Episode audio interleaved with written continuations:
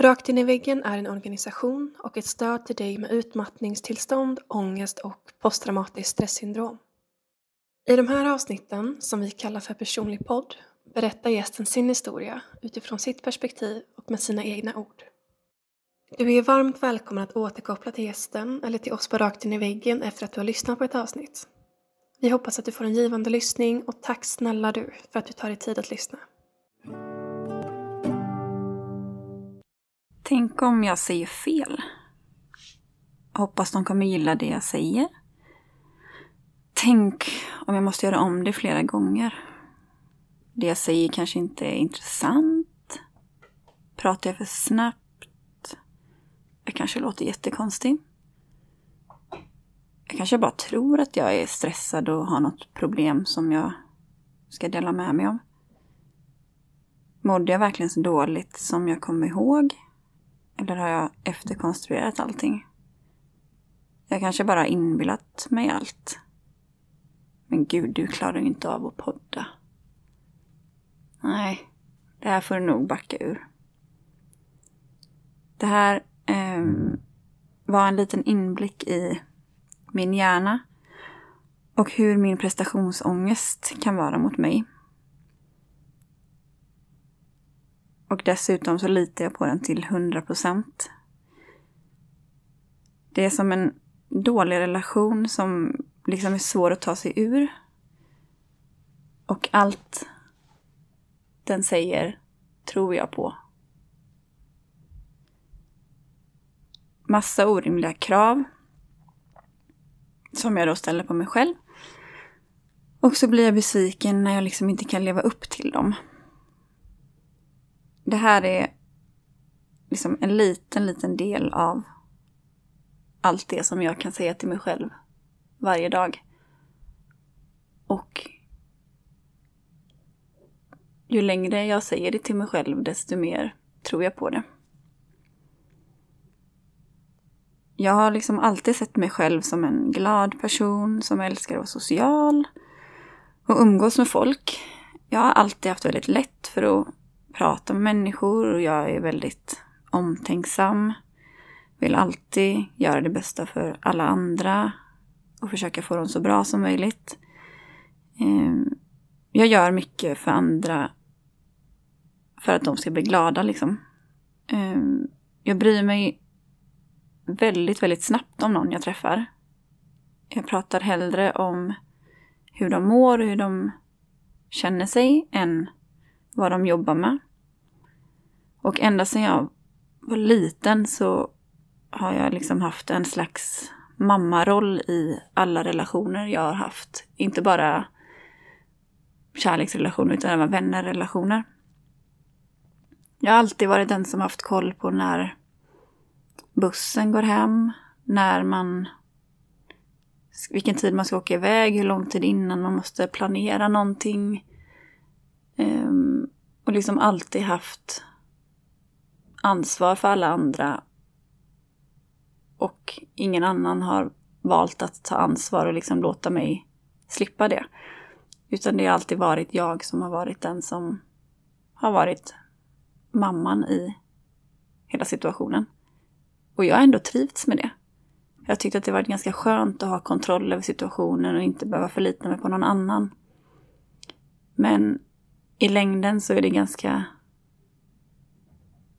Ja. Det är ganska jobbigt själsligt och energimässigt att alltid ha koll på allt och inte kan släppa loss och bara vara mig själv utan också vara någon slags förälder för alla andra runt omkring, vare sig jag vill eller inte. Jag har också sett mig själv som en person som inte har haft några problem. Liksom. Ingenting har satt spår och allt har varit så lättsamt. Jag tänkte senast förra året att så här, gud vad, jag har haft det så bra hela tiden. Jag har aldrig haft något som har varit jobbigt. Men så inser jag ju själv att så är ju inte fallet utan det där är ju bara en bild som jag målar upp för mig själv hur, om hur jag vill att det ska vara och inte hur verkligheten faktiskt är. Efter studenten så jobbade jag som au pair i San Francisco. Jag bestämde mig nästan direkt för att jag ville göra någonting helt annorlunda som inte de andra gjorde. Jag ville iväg och bara så här, ja, leva livet på ett annorlunda sätt än vad mina kompisar skulle göra. Jag bokade en biljett jättesnabbt och fick kontakt med en familj och hann aldrig riktigt tänka på vad det var som jag gav mig in på. Ehm, jag skulle liksom alltså själv som 20-åring, eller hur gammal man nu var, flyga över Atlanten till ett annat land där och då hade man inte mobiltelefoner där liksom jag inte kunde nå mina föräldrar när jag ville. Och jag var verkligen helt ensam. Väl där så tog jag hand om tre barn själv. återigen så fick jag ju den här mammarollen, fast nu var det liksom en riktig mammaroll. Det var så stressigt. Man liksom skulle ha hand om en tioåring som skulle ge läxor, en åttaåring som skulle köras till sin sport som han utövade. Och en treåring som bara ville liksom äta bulle och kolla på barnprogram och vägrade göra något helt annat. Um, och det var väl där lite allt började med de här kravsättningarna. Jag är såklart haft sådana krav innan det, men det, här började, det var liksom här det började tydligt. Jag jämförde mig väldigt mycket med hur alla andra au pairer var och hur liksom de skötte sitt jobb. Eller så jämförde jag mig till och med med en mammorna som var mammor på riktigt. Och hur de lyckades klara av allting. Eh, och jag var inte lika bra som de tyckte jag. Även om jag var det. Det var alltid någonting som jag kunde göra bättre. Eller varför såg jag inte det här? Eller varför kände jag inte av det här? Eller varför liksom, jag kunde väl tänkt det innan och räknat ut det. Det var väl inte så svårt. Um, jag fick liksom all, jag kunde inte få dem att vara tysta och jag fick dem inte att äta när de skulle och jag hann inte städa när jag skulle för att barnen fick utbrott. Det var alltid någonting som jag inte hann med och någonting som jag kunde säga till mig själv att jag inte klarade av fast jag tyckte att det borde jag ju verkligen göra. Jag gjorde återigen allting för att lösa alla andras problem. Jag försökte liksom göra alla de här sakerna utan att visa att jag inte klarade av dem. Jag jobbade över för att hinna med det jag skulle göra. Bara för att vara någon annan till lags.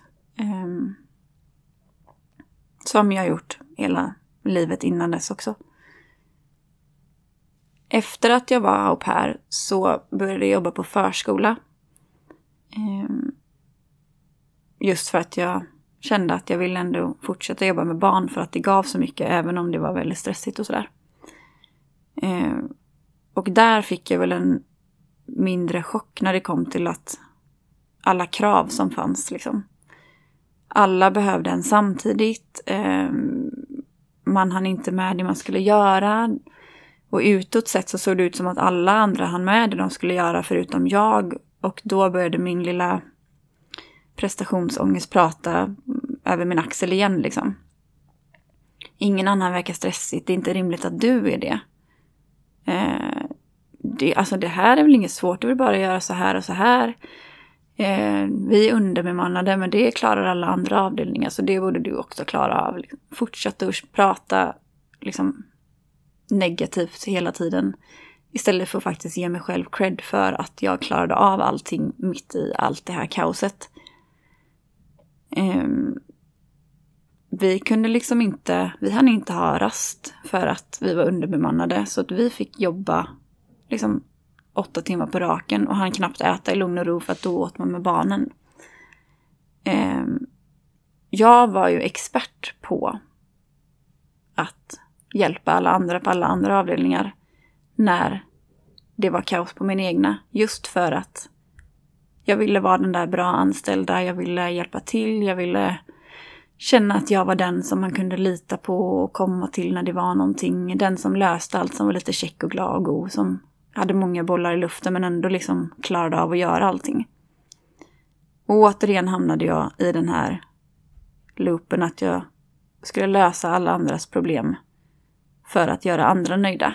Men jag själv stod kvar där och var inte riktigt nöjd själv över något egentligen.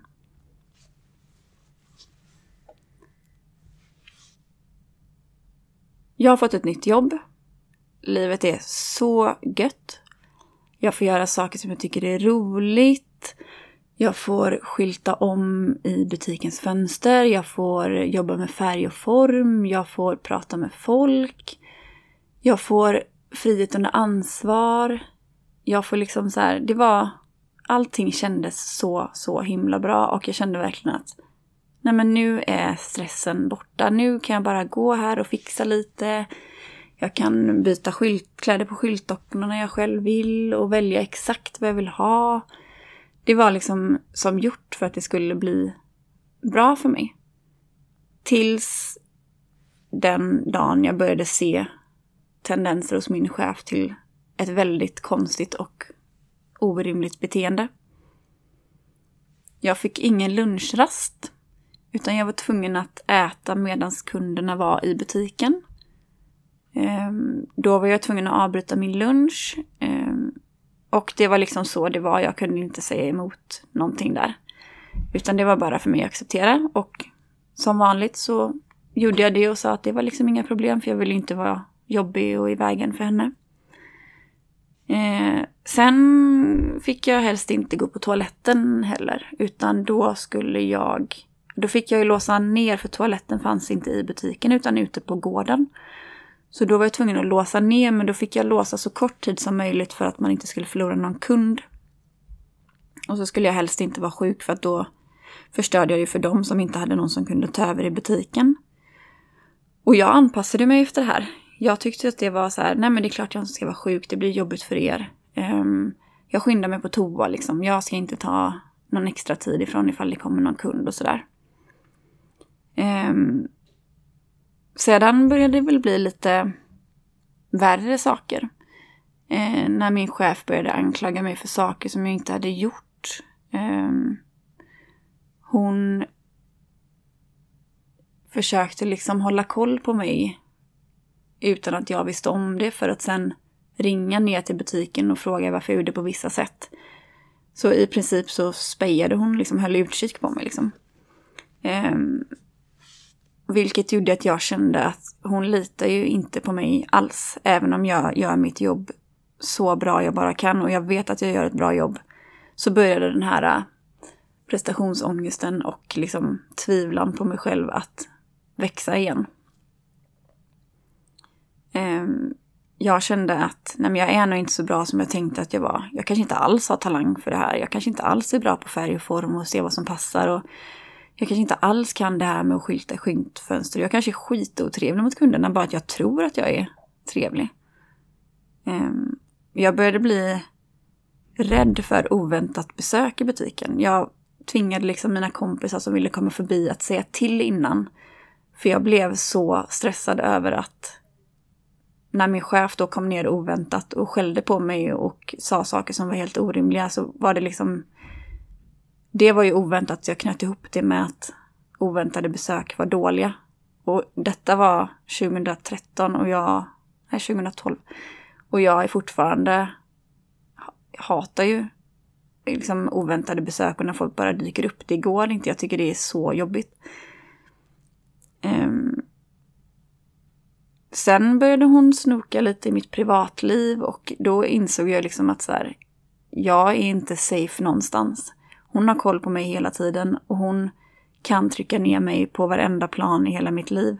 Så jag måste bli bättre för att hon inte ska kunna ha någonting att säga till om. Så att mina krav på mig själv höjdes till skyarna.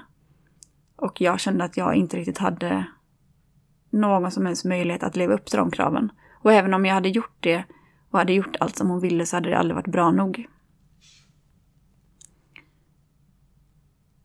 Jag kunde bli knäsvag, alltså darrig i hela kroppen av när hon kom in bara för att jag var... Jag blev rädd för henne liksom. För vad hon skulle säga och hur hon skulle liksom få mig att må. Det var liksom ångest ut i fingerspetsarna. Jag fick ångest bara jag såg en bil med samma märke och färg som hon hade liksom. Jag kunde gråta innan jag gick till jobbet. och tänka liksom att allt jag gjorde var dåligt och jag var inte ens värd att få höra någonting bra för att jag var inte bra. Det har hon sagt till mig. Alltså jag var ju inte bra. Jag var ju skitdålig på det jag gjorde. Och jag kunde inte hantera någonting och jag gjorde bara fel här och fel där hela tiden. Så till slut så tänkte jag ju så här, ja, nej men jag är, det här är jag skitdålig på det här ju. Det är ingen idé att jag är kvar liksom. Jag måste byta till någonting annat. Um, det tog ändå ett tag innan jag bytte jobb. Och innan dess så har ju jag, började jag ju bete mig på ett sätt som jag inser nu var som ett slags skydd mot hur hon var mot mig och för att liksom inte att jag skulle ta mer skada än vad jag redan hade gjort. Jag kunde ju stå och dagdrömma i butiken i flera timmar om så här, olika ställen jag ville vara på, hur bra det var där och liksom hur glad jag var och Alltså, jag såg och dagdrömde om en verklighet som jag önskade bara fanns så mycket mer än den som jag var i just då.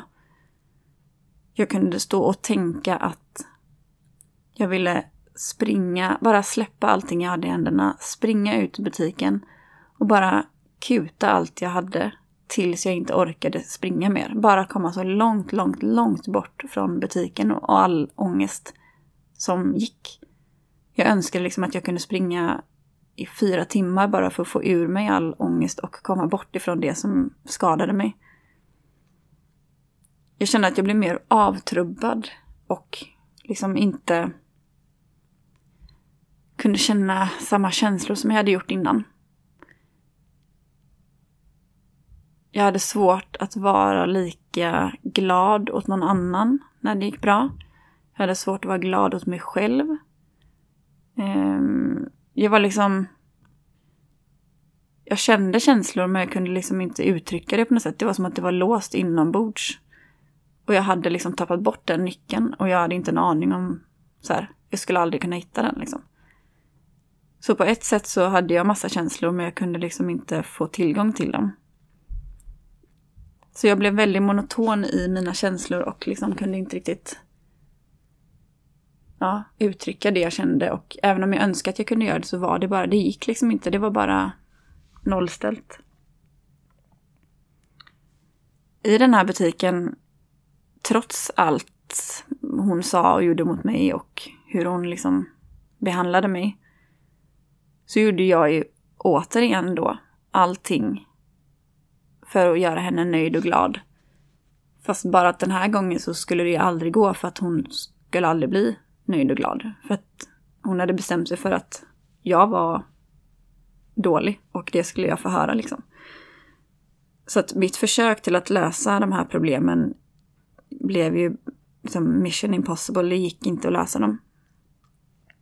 Vilket satte ett ganska högt krav på mig själv, liksom att du borde kunna lösa det här, men nu kan du inte det. Det var dåligt gjort av dig. Nu får du försöka igen. Men det gick inte. Jag sa till slut upp mig och började ett nytt jobb. Um, då kan jag ju tillägga att chefen blev väldigt, väldigt sur på mig när jag sa upp mig. Eh, och anklagade mig för att jag hade satt dem i skiten med att hur ska de nu kunna driva den här butiken? Vilket störde mig något enormt för att jag ville inte lämna på en med liksom ha ett dåligt avslut, att jag hade gjort något dåligt det sista jag hade gjort liksom. Men de fick mig ändå känna som att jag hade gjort det. Mitt nya jobb, det var så bra. Alltså världens bästa kollegor.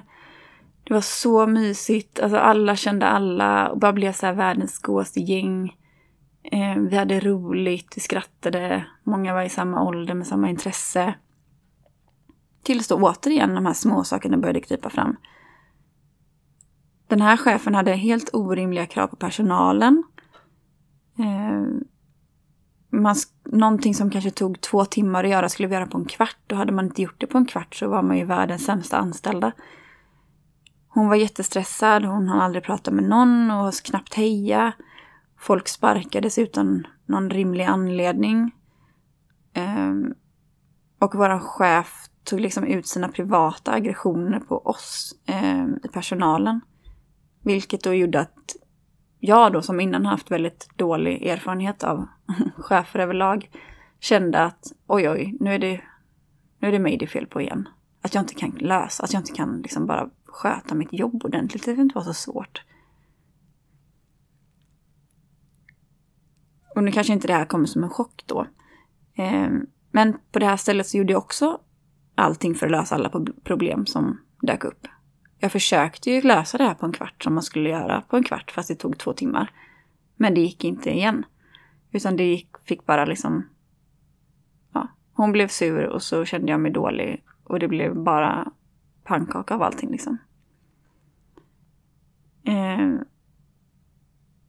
så kommer vi till den här dagen D, eller vad man nu vill kalla det. Det är tidig morgon. Jag öppnar butiken. Klockan är väl runt tio någon gång. Och jag har första kassapasset så att jag håller mig nära kassan och tar kunderna som kommer dit. Jag står och galgar lite kläder och ja, byter lappar om det är någon som saknas. Och det kommer in några kunder. Varav en kommer till kassan ganska snabbt och ska betala. Jag ser att kunden pratar med mig när jag står i kassan. Men jag hör inte vad kunden säger. Jag ser att munnen rör sig, men jag registrerar liksom inget ljud. Utan jag bara känner att jag får någon slags utomkroppslig upplevelse. Jag lämnar min kropp på sätt och vis och bara ser att jag står och stirrar på kunden medan den pratar och jag ser helt bara frånvarande ut. Och jag inser liksom att men gud, jag är... Jag, jag hör, alltså jag hör ingenting. Jag ser men jag hör ingenting. Och varför gör jag inte det? Liksom, vad är det som händer? Min kollega kommer då förbi och ser att här, det är något som inte stämmer. Eh, så hon tar över, för att jag var ju helt paralyserad bara. Min kropp hade stängt ner.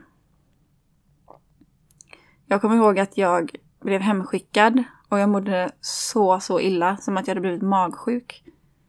Jag kommer hem eh, och bara spyr. Alltså jag spyr så mycket, fast det kommer liksom ingen spya. Utan det var bara liksom kroppens sista stora varningssignal att nu, Louise, nu räcker det. Men jag hade ju ignorerat alla andra små signaler som var innan. Och bara kört på för att jag kan inte släppa, alltså jag kan liksom inte släppa ansvaret här nu utan jag måste, måste hjälpa till och sköta jobbet så att det blir gjort så att de inte hamnar i skiten. Jag hade svårt att komma ihåg saker. Men det hade jag också ignorerat. Jag blev liksom trött av att bara gå till jobbet som för övrigt tog fem minuter. Det ignorerade jag också. Jag var liksom trött innan jag hade vaknat i princip. Och det struntade jag också i. Och hur mycket jag än vilade så blev jag liksom inte pigg. Och jag insåg ju att nu, jag är ju utmattad. Jag har ju kört mig själv helt i botten. Det var väldigt många som frågade när jag sa att jag var utmattad. Liksom så här, ah, men vadå, är det bara att vara, du är bara lite trött. Det är kanske vila, alltså li, kanske lite vila som hjälper, så kanske det blir bra sen. Och då kände jag bara liksom så här, jag vill bara skrika till personerna så här, men jag är trött i själen. Liksom. Hur kan du säga hur man vilar den? Jag kan liksom inte vila mig pigg. Hur vilar man själen? Jag blev sjukskriven i tre månader och bestämmer mig för att ta det lugnt eh, hemma ett tag. Bara gå på promenader och träna och liksom hänga med min familj och göra saker som jag tycker är kul. Och efter ett tag så inser jag att jag vill ju liksom, jag vill komma ifrån det som, där jag har mått dåligt. Jag måste hemifrån ett tag. Och jag har en jättestor förkärlek till USA och speciellt Los Angeles. Så jag åker dit och tänker att ja, men jag kan vila upp mig där och kanske göra något helt annat ett litet tag. Så jag väljer att läsa en designkurs på distans och jag bor ihop med fyra andra svenskar i en lägenhet i Santa Monica. Eh, och livet är liksom så gött. Det är sol, det är palmer, det är strand och det är så varma kvällar. Man cyklar på stranden, åker på roadtrips som är mycket i naturen. Och jag tänker liksom så här, perfekt. Det här, alltså det, det här är perfekta miljön för att samla ihop krafter och liksom fly undan allt som varit jobbigt. Och bara känna att nu, nu löser sig det här. Liksom. Nu har jag flytt från allt det som varit jobbigt och kanske så hittar ny energi.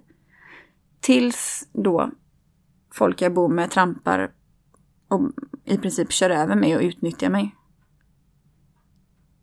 En incident var när jag hyrde en bil i mitt namn och då gäller bara försäkringen när jag kör. Min andra roomie då frågade mig om hon får låna min bil och jag sa nej. För att jag åkte inte med henne i bilen när hon skulle köra. På morgonen så vaknar jag av att polisen ringer min mobil och frågar om jag har krockat med bilen. Och jag har ingen aning vad som händer eftersom att jag har legat och sovit. Eh, och de ber mig komma ner till stället där bilen står krockad. Då har min roomie tagit min bil utan tillåtelse och då lyckats krocka bilen. Hon väljer sedan att säga att det är hon som är mig, eller alltså hon säger att hon heter Louise. Eh, för att försöka rädda situationen, vilket blir att hon har snott min identitet. Eh, så jag kommer ner till bilen och polisen säger antingen får du ge henne, alltså antingen får ni böter eller så skickar hon i fängelse så hamnar böten på henne. Annars så får du ta böten och så får hon bara betala dig. Och återigen så kommer det väl inte som en chock att jag väljer att lägga böten på mig för att hon ska inte behöva ha det jobbigt att sitta i fängelse. Alltså det känns jättejobbigt att behöva skicka henne dit. Hon ska inte behöva sitta med andra sådana här superkriminella och bli vettskrämd liksom. Så jag väljer att lägga böten på mig själv och att hon betalar mig. Vilket hon hade väldigt problem att göra. Och där hamnar jag återigen i den här situationen att jag ska vara till lag för andra istället för att tänka på mig själv. Folk kommer inte tycka synd om dig Louise. Det här är ingen som vill höra om det. Det är väl jätteonödigt att prata om det här. Säger min hjärna nu. Så ibland så inflikar den med saker som är helt orelevanta men nu tänkte jag att jag kan ju säga vad jag tänker så att ni får höra hur det låter. Efter den här krocken så fryser min andra roomie ut med av en helt oklar anledning. Hon vägrar säga varför. Och jag försöker såklart lösa problemet och vända ut och in på min själ för att göra det bra. För att liksom så här, det ska inte vara dålig stämning, det ska vara jättebra, vad har jag gjort för fel? Det är jag som har gjort fel såklart, inte hon. Allting ligger på mig, men jag får ingen respons. Och vi lämnar våran kompisrelation i det. Jag kommer hem till Sverige igen och inser att jag kan inte jobba i butik det ger mig bara ångest och tar mig tillbaka till hur jag faktiskt mådde då det, påbörjade, det liksom pågick. Och jag måste börja plugga. Och då tänker jag, ah, jag ska plugga till butikskommunikatör, för det tyckte jag ju var roligt när jag jobbade i den andra butiken. Så här, men vem bryr sig om vad jag ville plugga? Säger min hjärna nu igen. Men i alla fall. Åter till plugget. Jag läser i två år jag har super, super kul, träffar så mycket nya kompisar. Vi skrattar, alltså vi är verkligen så här soulmates. Vi har praktik, vilket då gör att jag hamnar i en butik, vilket inte är den bästa. Det blir stressigt, min handledare är dålig, hon kommunicerar inte, hon klagar bara på saker som liksom inte går att klaga på. Och allt det här kommer tillbaka igen, så som det var i butiken liksom. Då börjar jag ju direkt tänka att ah, nu har jag inte gjort som jag skulle. Oh, varför har jag inte bara gjort det jag ska Alltså varför blir det så dåligt igen? Varför kan jag inte bara lösa det? Alltså jag är verkligen en börda som frågar hela tiden. Jag är ju i vägen bara. Alltså jag är så taskig mot mig själv. Jag skulle aldrig vara så taskig mot någon annan, så varför säger jag de sakerna till mig själv? Mitt i alla de här känslostormarna och prestationsångesten så inser jag också att allting som alla andra runt omkring känner, känner jag också. Jag visste liksom inte om det var jag som var arg eller ledsen eller glad eller orolig. Eller om liksom jag sugit åt med någon annans energi. Jag kände av en stämning i ett rum väldigt, väldigt snabbt. Jag kunde känna om någon som var ledsen eller glad eller bara du vet, hade ångest. Jag kan känna av om en person är genuin eller inte.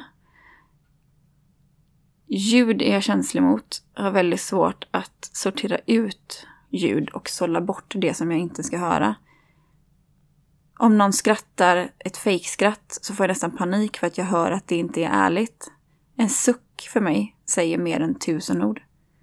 Om du ljuger så vet jag direkt att du ljuger. Jag kan se det på en liten ryck i ögonen eller bara hur du tittar på mig när du säger det. Och jag vet när du mår dåligt för jag känner samma sak som dig. Du kan liksom inte gömma saker för mig. Jag insåg då att jag också var HSP, Highly Sensitive Person. Jag har liksom mina känselspröt lite extra långt ute och har lite svårt att processa intryck när det är mycket runt omkring. Jag behöver mycket mer ensam tid för att återhämta mig och jag vill göra något som känns bra i själen. Liksom. Det måste kännas bra och inte bara låta bra. Jag kan inte bara köra på utan någon mening och det är liksom inte det lättaste att hitta någonting som uppfyller alla de kraven. Alla små signaler som jag har känt av på tidigare arbetsplatser och som jag tagit åt mig utöver allt annat som jag fått kastat på mig går liksom rakt in i själen. Det är som att jag har en magnet i min kropp som drar åt sig alla känslor som finns. Det blir dubbelt upp av allting. Så det är egentligen inte så konstigt att jag känner mig dränerad på energi när jag inte vet hur jag ska göra för att bli av med den.